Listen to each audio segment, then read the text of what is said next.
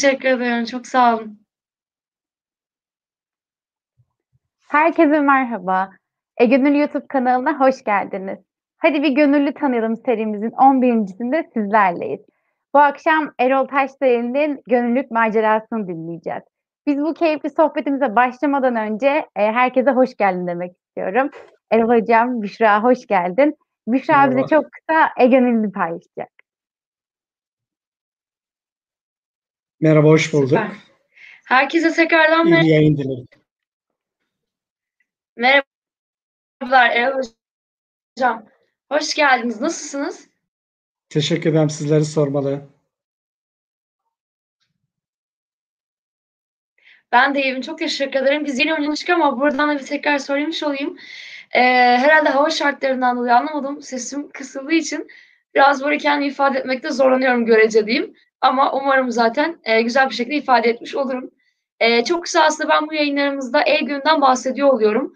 E, bu yüzden de çok kısa bir tekrardan faaliyetlerimizi açıklıyor olacağım. Peki neden bunu her yayın aslında sırasında yapıyorum?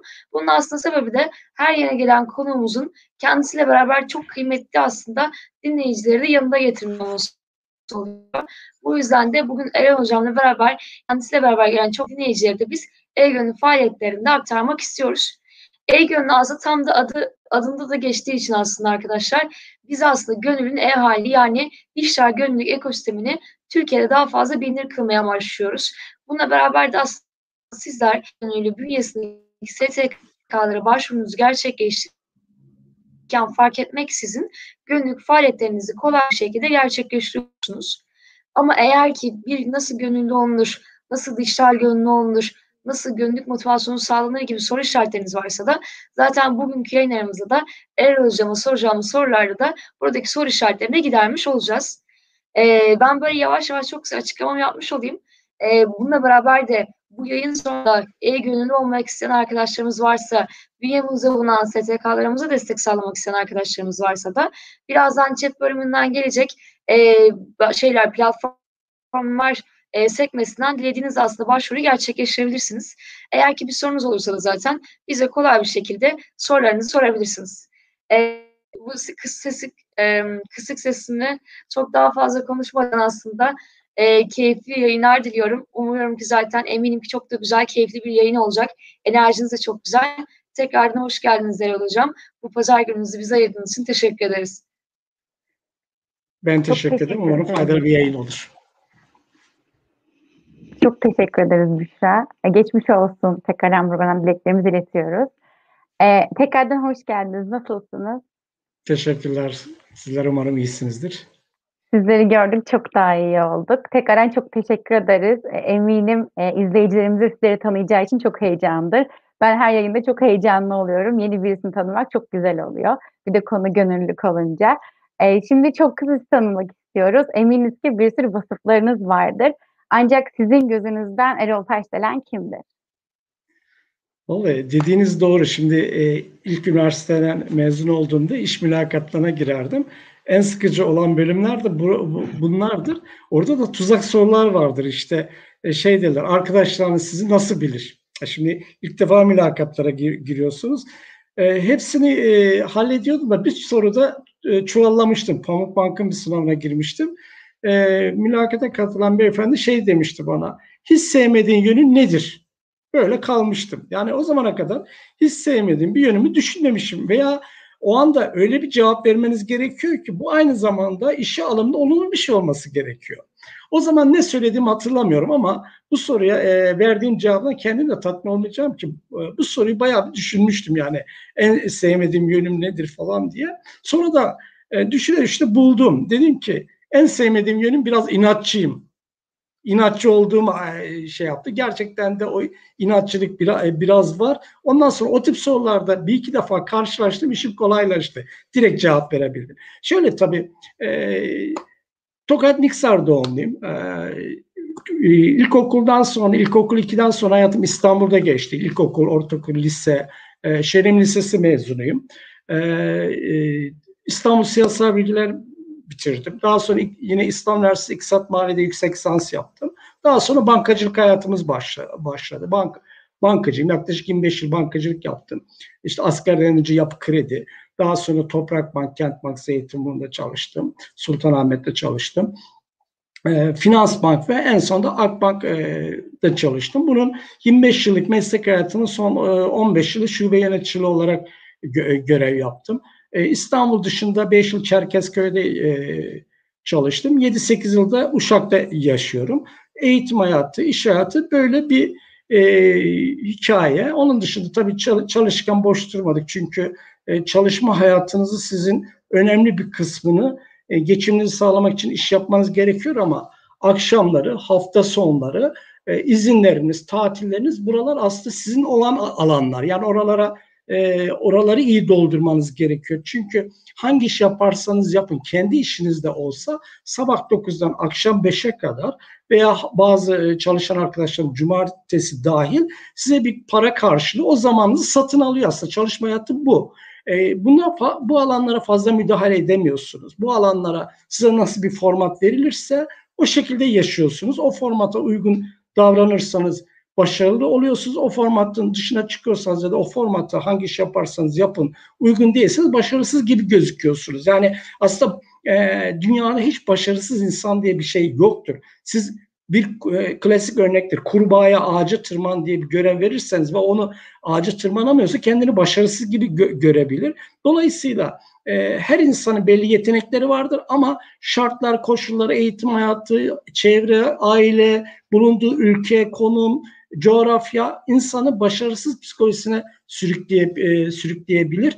E, fakat e, e, dedim ya akşamlarını, e, hafta sonlarını, tatillerin izinlerini yani kendine ait olan alanları iyi değerlendirir ve doldurursa e, bura, e, buralarda o zaman bir fark yaratıyor çevresindeki insanlara göre. Kısaca e, iş hayatı ve okul hayatı böyle bir şey.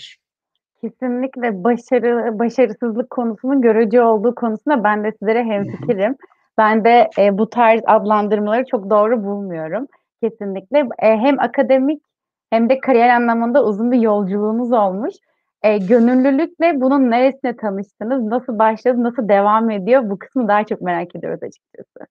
Tabii ki. E, ya şimdi e, şu var. E, insan şimdi felsefenin temel ilkelerinden birisi ve hala da çözümlenmiş veya cevabı net olarak tanımlanmış bir kavram değil. İnsan nedir, nereden geliyoruz, nereden gidiyoruz, hayatın anlamı ne? Yani bu klasik sorular yüzlerce yıldır hala tartışılıyor. Kim kendini bu sorulara nasıl cevap veriyor ise yaşam tarzını da ona göre konumlandırıyor. Ona göre bir duruş oluyor. Hayata bakışı ona göre oluyor. Benim de gönüllülük e, faaliyetlerimde üç tane kadının çok büyük bir emeği ve rolü var. Yani birincisi annem, ikincisi ablam, üçüncüsü eşim. Yani bunlar e, beni e, cesaretlendirmese veya arkamda durmasa bu gönüllülük faaliyetlerimin hiçbirisi olmayacak. Şimdi eskiden tabii şu anda yok diye biliyorum. 70'li yıllarda sağlık sistemi şöyle işliyordu. 7-8 köyün ortasına bir tane sağlık ocağı yapılırdı. Orada ebe çalışırdı. Bu ebe iğneleri de yapardı. Ufak tefek sağlık ilk temas kontrol, doktorun yerine neredeyse bakacak şekilde e, hafif işte ateş düşürücü e, ve iğne yapma gibi faaliyetleri vardı. Asıl görevi de doğum yaptırmaktı. Dolayısıyla ablam ebeydi. Benim çocukluğum onun yanında geçti. Burada da şöyle bir şey vardır. Bu ebeler kamu personeli olduğu için mesela birinci çalışma alanı bu verdik, verilen köy kadardı. Ama ablam o kadar idealist bir insandı ki diğer e, köylerde işte başka bile beşten sonra iğne vurmazken diğer köylerden bize gelirdi. Ablam gece 2'de işte kalkıp iğne vurduğunu hatırlıyorum ben. Yani bu bir fedakarlık veya diğer gece e, diğer e, köylerden bize bağlı olmayan köylerden e, ebeler doğuma gitmezdi. Ablama gelirlerdi. Ablam hiç kimseyi kırmazdı. Koştururdu. Yani bunun karşılığını da bizim e, insanlarımız çok e, fedakar. E, 9-10 yıl önce yeğenimin düğünü oldu. Tokat'a oraya gitti. Bir tane kız geldi. İşte el örmez halı getirmiş.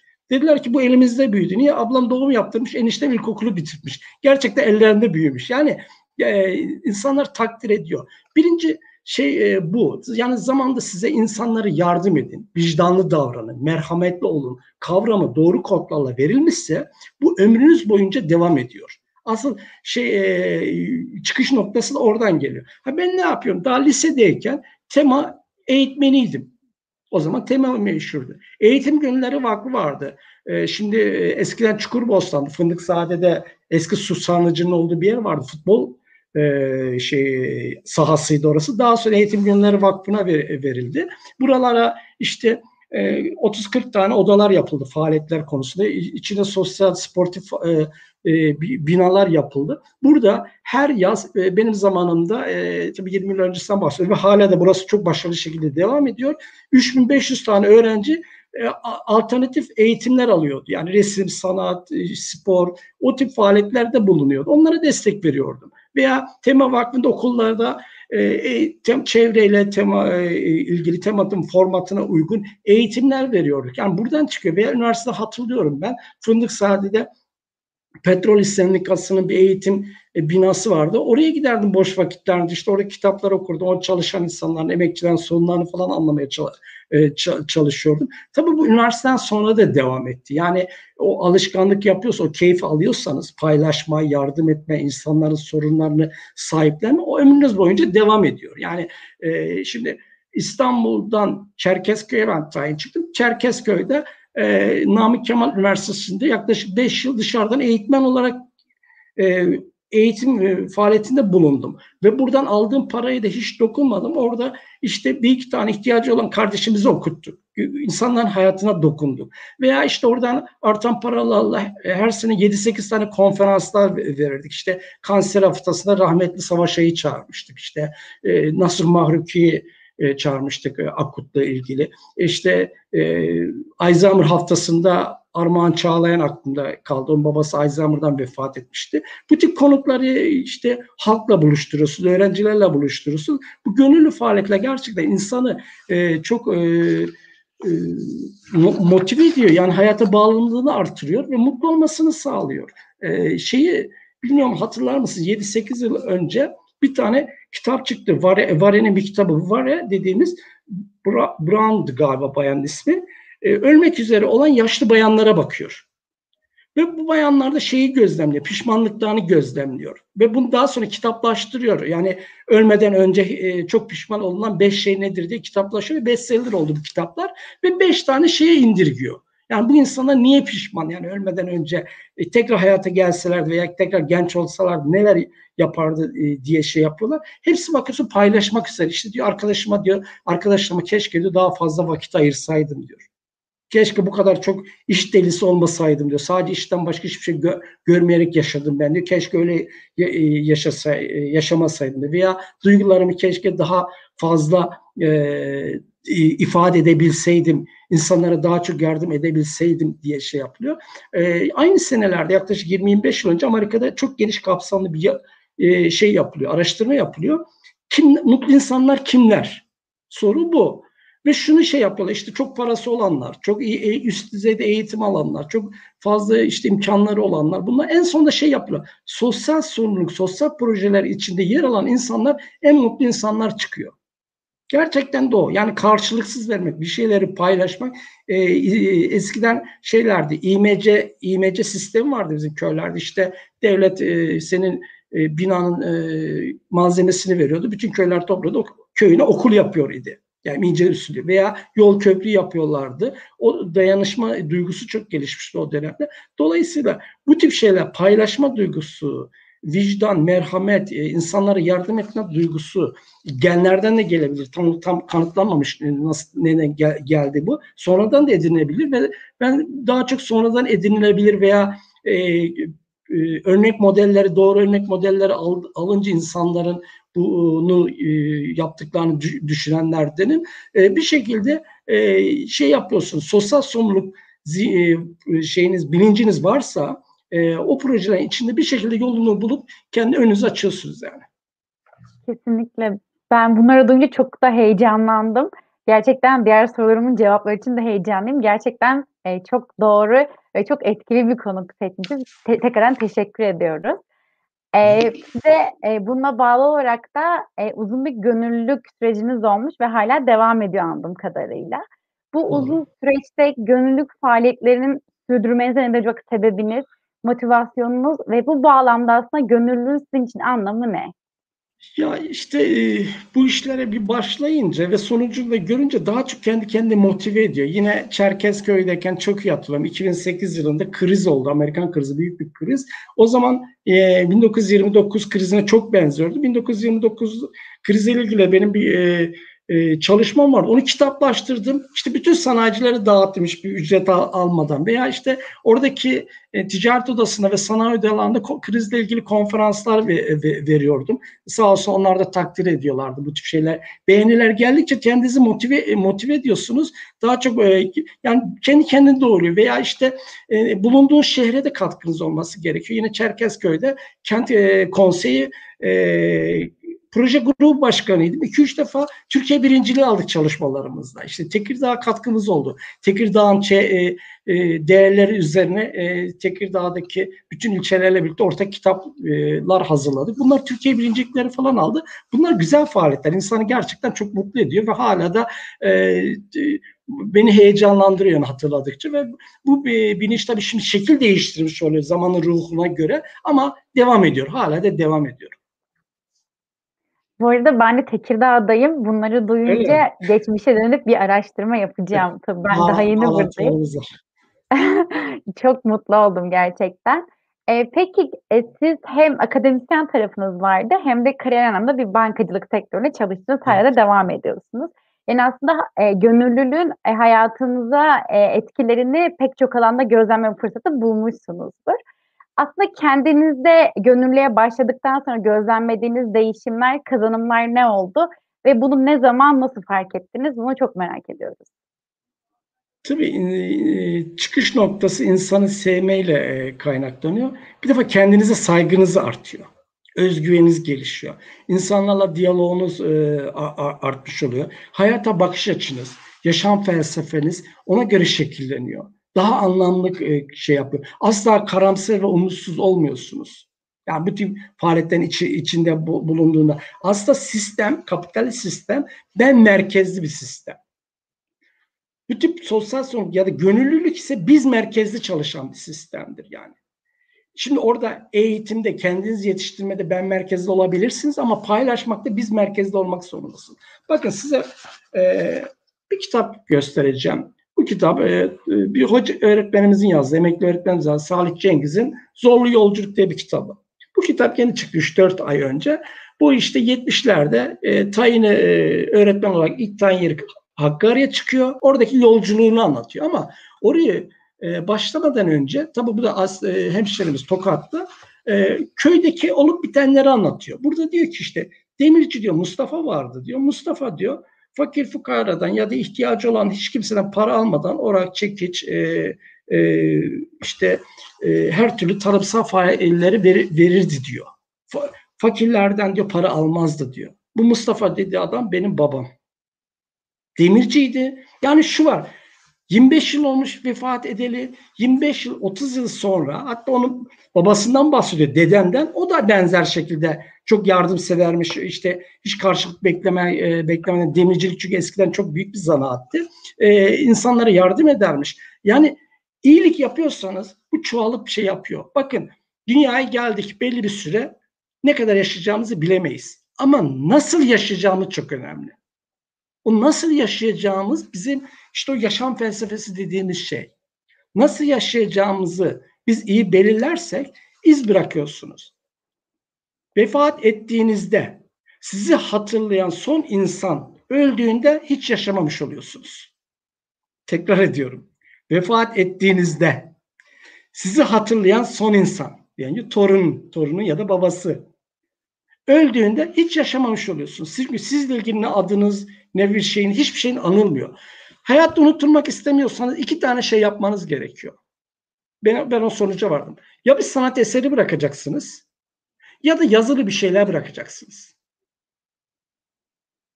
Bunu yapmıyorsanız unutulup gidiyorsunuz. Şimdi e, geçmişe yönelik tarihe, tarih e, meraklara, tarihe bakın veya işte çevrenizde çok konuşulan veya yad edilen eski insanlara bakın. Çoğu topluma çok faydalı olan, çok e, toplum için e, fedakarlıklar yapan insanlar hatırlanıyor. Karaca olanlar, Mevlana'lar, işte Pir Sultanlar bunlar halk için önemli kıymetler. Ya ve bu e, Anadolu toprağı da ilk medeniyetin çıktığı e, yerlerin toprakları. Küçümsemeyelim bulunduğunuz toprakları.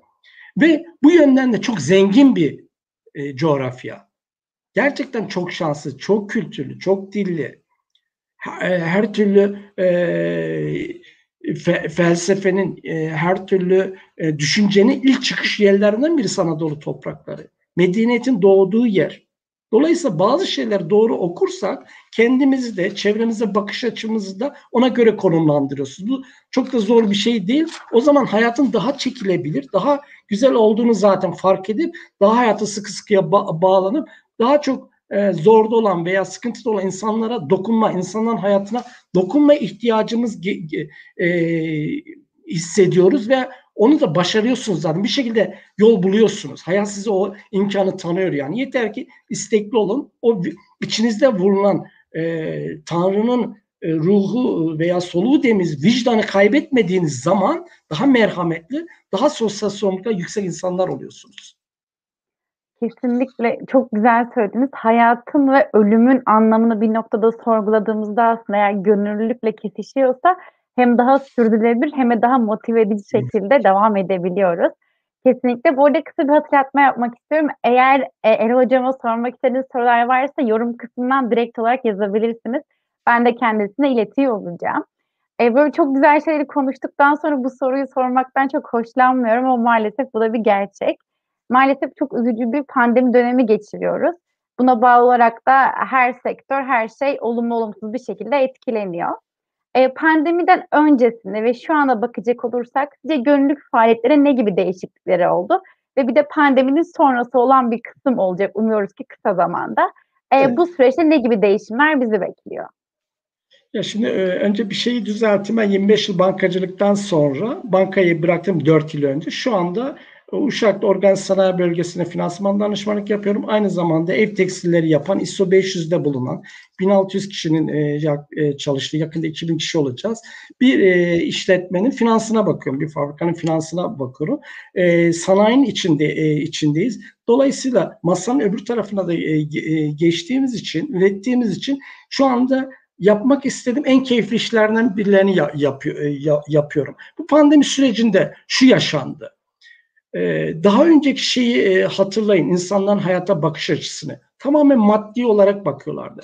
Paranız varsa her şey yapabilirsiniz. Her yere gidebilirsiniz. Her yerde yaşayabilirsiniz. Pandemi parası olan insanlara da hayatı sorgulanır hale getirdi. Araban var binemiyorsun, uçağın var binemiyorsun, yatın var binemiyorsunuz. Veya işte burada herhangi bir terör saldırısı oldu, tamam gider Karayipler'de yaşarım. Öyle olmadığını gördü insanlar. O zaman hayatı biraz daha e, sorgular hale gelince ister istemez sosyal sorumluluklarda biraz daha rol almaya çalışacaklar. Önümüzdeki dönemde göreceksiniz. Sadece bizde değil. Artık dünya bir teknoloji sadece köy gibi oldu. Yani bugün bir yerde yangın çıkıyorsa oranın hav- havasının kirlenmesi hepimizi etkiliyor. Amazonlarda yangın çıkıyorsa veya işte Sahra çöllerinde kuraklık yaşıyorsa hepimiz etkileniyor. Çekirge sürüleri bize de geliyor. Ee, e, yani artık bundan sonra e, insanların özellikle maddi imkanı olan insanların hayatı daha sorgular hale gelip ve dünyanın sorunlarını sahiplendiğini göreceğiz. Çevre sorunları daha çok ön plana çıkacak. Yoksullukla mücadele daha ön plana çıkacak. Çünkü şu anda Türkiye'de yaklaşık 14 milyon insan yardım alıyor bir şekilde devletten veya belediyelerden veya diğer kurumlardan. Yani e, sos, e, ekonomik sistemde artık kapitalist vahşi kapitalizminden sosyal piyasa ekonomisine yönleniyor. Yani siz istediğiniz kadar refah düzeyiniz kişisel olarak veya bir il olarak, ilçe olarak, aile olarak yüksek düzeyde olun. Şatolar yapabilirsiniz, her tarafı duvar yapabilirsiniz ama o, o duvarın dışına çıktığınızda can güveniniz yoksa siz orada kal, kalırsınız. O zaman da ne yapacağız? Toplum olacak. Her şeyi paylaşacağız. Toplum olarak kalkınacağız. Bakın e, ben yüksek lisans yaptığımda Esfender Korkmaz mülakatıma girmişti. Bir, bir soru sormuştu. Kalkınma ile gelişme arasındaki fark nedir diye. Bu soru benim hayatım boyunca da hep o zaman da doğru cevap vermiştim. hala da devam eder. Çünkü benim yüksek lisans tezim de bölge arası dengesizlik üzerineydi. Yani insan refah düzeyimiz artsın, farklılıklarımız azalsın, hep birlikte kalkınalım. Şimdi sadece e, bir e, bir bölümün, bir ülkenin, e, bir ilin, bir bölgenin, bazı bir kişi grupların kalkınması, zenginleşmesi yetmiyor artık. Toplum olarak kalkın, kalkınılması gerekiyor ve paylaşılması gerekiyor. Yani e, bizim evet e, klasik olacak ama e, zenginliklerimiz ya da kaynaklarımız fakirlere yetmediği için fakir değiliz. Zenginleri doyuramıyoruz deniyor klasik olarak. Doğru kaynakları doğru yerde kullanacağız dünya olarak. Yoksa e, işte e, hava kirliliği, su kirliliği hepimizi etkileyecek ve önümüzdeki dönemde de bu pandeminin belki o faydası oldu. E, artık insanlar bencil olmaktan daha toplumsal düşünmeye doğru gidecek. Biz bunu hayatımızda da yaşadık zaten. Ha, orta, o, burada tabii Uşak'ta yaşamanın avantajı oldu. Fa, e, Uşak ufak bir yer. E, son yıllarda e, yaptığım en akıllıca şey İstanbul'u terk etmek oldu. Yani 40 yaşından sonra kendinizi geliştirmek için 40 yaşından önce çok çok iyi İstanbul ama 40 yaşından sonra gerçekten çok yoruyor insan, insanı. Ama e, gençliği e, metropollerde geçirmek çok avantajlı ama belli yaştan sonra metropoller gerçekten insanı yıpratıyor. E, değindiğiniz bir noktaya kesinlikle katılıyorum. Bence pandemi e, kendi çevremde de gözlemlediğim kadarıyla herkesin başat öncülerini sorgulamasına sebep açtı. E, bu yüzden de yeni yeni uğraşlar çıktı aslında. E, bu konuda kesinlikle katılıyorum. Umuyoruz ki pandemi sonrasında e, daha çok sosyal farkındalık artarak devam eder. E, biz aslında kısa bir süre önce tanıştık ama e-gönüllü olarak pandemi döneminde kurulmuş bir sosyal girişimimiz. Amacımız STK'lar ile gönüllüleri dijital platforma bir araya getirerek online gönüllülük sistemi sağlamak. Peki gönüllülüğün dijitalleşmesi hakkında ve bu bağlamda e-gönüllü hakkında fikirlerinizi merak ediyoruz. Bir defa e, dünya üzerinde bilgi evrenselleşti. Bilgi evrenselleşince sorunlar da evrenselleşti. Bu sefer sorumluluk almak da evrenselleşti. Dijitalleşme belki bunu sağladı aslında. Yani önceden e, işte sadece bir hafta sonra belki yerel lokal haberleri veriyordu medya ama şunda, şu anda dünyanın en ufak bir yerinde olumlu olumsuz bir şey olduğunda anında haberimiz olabiliyor. Öyle bir avantaj, avantajımız var ama bu dijital avantajı dolayısıyla topluma yararlı, faydalı hale getirmek e, öncülerin rolü oluyor. E, şimdi e, ebeveynlerin en büyük şikayetlerinden birisi çocukların işte fazla işte bilgisayarla şeyle e, haşır neşir olma çok vakitlerini şey yapıyorlar falan diye e, düşünüyorlar. Ben ona e, katılmıyorum. Çünkü biz 20 yıl sonra 30 yıl sonra yokuz ama bu çocuklarımız 20 yıl 30 yıl sonra olacak. O 20 yıl sonra 30 yıl sonrasını yaşayacaklar. Dolayısıyla şöyle ifade ediliyor. Geleceğinizde yaptığınız işte teknik olarak bir şey yoksa mesleğinizin mesleğiniz olmayacak. O alanda çalışma veya hayatta kalma imkanınız olmayacak. Dolayısıyla bu sosyal son projeleri de dijital ortama taşınacak diye düşünüyorum. Yani e, daha önce hatırlayın bir hesap açılırdı işte bir ha, rahatsız olan hasta olan bir çocuğu için ama şu anda dijital platformda bir sosyal medyada bir duyuyla bir saatte o parayı toplayabiliyorlar. O yardımlaşma duygusunu e, e, giderebiliyorlar. E, çok e, güzel benim takip ettiğim, sevdiğim e, çalışmalar da var. Örneğin İstanbul'da Kadın Emeğini Değerlendirme Vakfı var. Adım adım grubu var bu koşucu gruplar işte şey okullar yapıyorlar, kreşler yapıyorlar. Yani bunlar gerçekten sizin içinizde bulunmasanız bile sizi mutlu eden girişimler. Çünkü iyilik, iyilik paylaştıkça veya iyilik şeyle bulaşıcı. Yani büyüyor, kartopu gibi büyüyor. Yoksa bir kenarda oturup ah vah etmenin anlamı yok. Herkesin yapabileceği bir şeyler var. Muhakkak bu e, sosyal e, sorumluluk bilinci içinde STK'ların içinde yer almak gerekiyor. Hangi meslek grubunda olursanız olun. E, çünkü Avrupa'da bunu yani ortalama 7-8 tane STK grubu ile ilgileniyor bir şahıs. Yani o sizin aynı zamanda sosyalleşmenizi ve toplumsallaşmanızı sağlıyor. Sesinizi duyurmanızı sağlıyor. Topluca bir şeyler yapmanın keyfini çıkarmanızı sağlıyor. Dolayısıyla Türkiye'de bu alanda çok zayıf ee, ama ben ha, gençlerden çok umutluyum. Gençler çok iyi gidiyor. Özellikle bu dijital ortamı çok çok iyi kullanıyorlar. Kesinlikle bir farkındalık yaratmak, bir etki oluşturmak için e, minimum, e, maksimum yarar sağlayabilecek kanallardan birisi dijital ortamlar. E, bizim de gönüllü ekibi olarak e, sosyal farkındalığı bu şekilde arttırmak amacımız. Gerçekten e, çok güzel özetlediniz. Çok teşekkür ederiz. Peki az önce bir kitaptan bahsetmiştiniz ama e, bunun yanı sıra e, bu filmi mutlaka izlemelisiniz. Bu kitabı okursanız sizin farkındalığınız artar dediğiniz önerileriniz var mı? Ya ben tek bir kitap e, önermeyi sevmiyorum. Öyle şartlı refleks gibi oluyor. Ama sizi etkileyen yazarlar, kitaplar nedir derseniz en başta Server Tanelli'yi korum. Server Tanelli benim hayatımda önemli bir yeri olan bir insandı. Ee, Server Tanelli'nin uygarlık tarihi. Uygarlık tarihi e, 80 darbesinde yasaklanan kitaplardan birisi idi. Oradan çocukluk hafızamla o zaman ben ortaokuldaydım kalmıştır. Şu anda kütüphanemde 3-4 tane baskısı vardır. Çeşitli yayın evlerinde basıldı. Server Tanelli'nin kitapları beni çok etkile, e, etkilemiştir. Özellikle so çıkan kitaplardan birisi Yaratıcı Aklın Sentezi çok e, iyidir. E, geçen üniversiteden öğretim görevlileri geldi. İşte bankacılık bölümü vardı, muhasebe bölümü e, ilgilendiren e, bölüm başkanlığı vardı. Şey dediler, çocuklara nasıl bir eğitim verelim? Valla teknik kısmını dedim bilmiyorum ama analitik düşünce yapısına sahip olabilen, sorgulayan, neden sonuç ilişkisi bul kurabilecek bir e, öğrenci yetiştirin yeter. Yoksa mesleği burada öğreti, e, öğrenir. Üniversite bize bir meslek öğretmez. Onun görevi meslek teknik liseleridir. Üniversite bize araştırmayı öğretir. Bilmediğimiz bir şeyi nasıl öğrenebileceğimizi öğretmesi gerekiyor. Bunun verilmesi gerekiyor diye düşünüyorum. Onun dışında İlter Orbaylı'nın bir ömür nasıl e, yaşamalı, güzel gençlere güzel bir el kitabı oldu. E, o da oradaki şeyi gördü de, e, demek ki ama şunu diyorum e, hangi kitaptan çok okuma alışkanlığı edinsin insanlar. Günde 10 sayfa, 15 sayfa, 5 sayfa hiç önemli değil ama her gün muhakkak bir e, kendine sayfa e, hedefi belirlesin. Ben kendi çocuklarıma da e, aynısını söylüyorum. Günde 10 sayfa, 20 sayfa, kaç sayfa okursanız okuyun.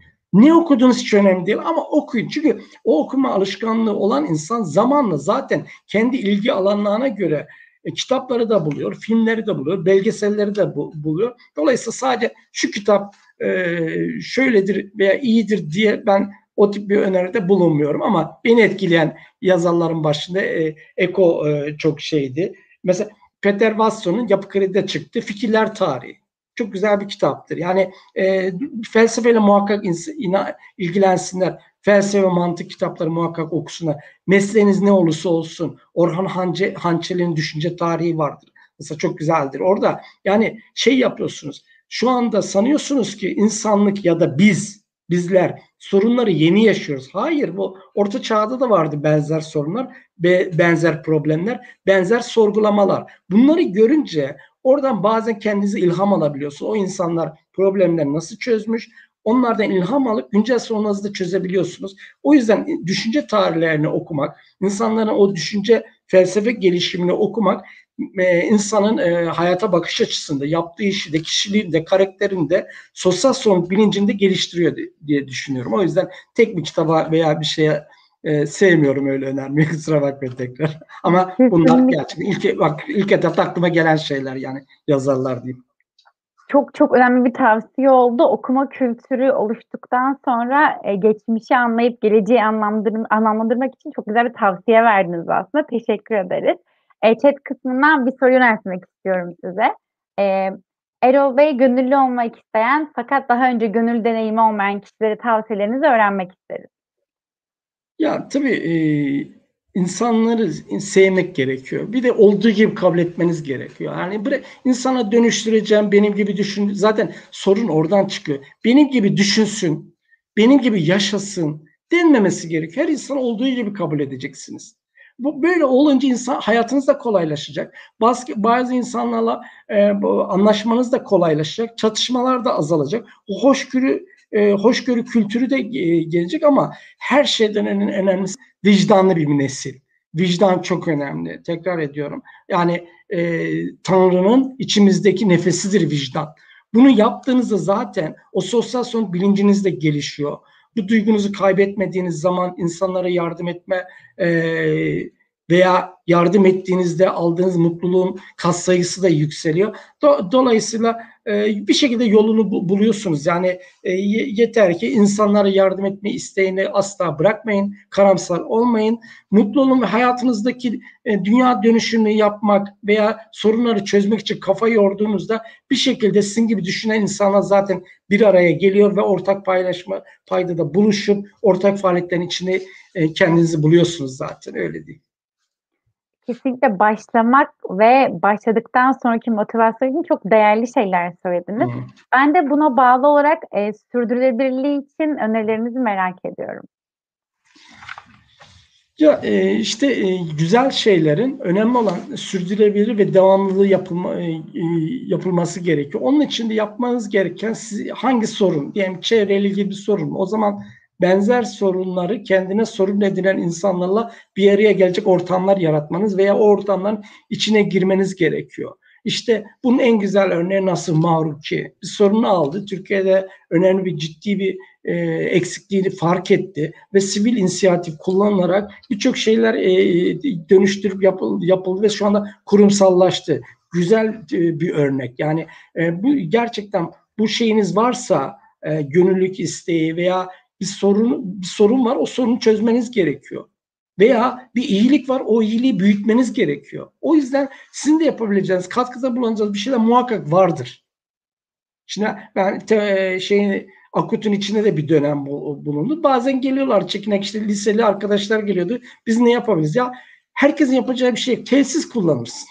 İlla işte böyle gidip sırtında işte bir yaralı bir şey taşımana gerek yok veya gidip 100 kilo taşı kaldırmana gerek yok. Herkesin yapacağı bir şey vardır. Yeter ki o toplumsal e, bir konsensüste buluşup toplumun e, yararına faydalı olacak şeyleri tespit edip o alana e, gitmeye çalışalım. Yoksa size yollar açılıyor onu niyet o olunca.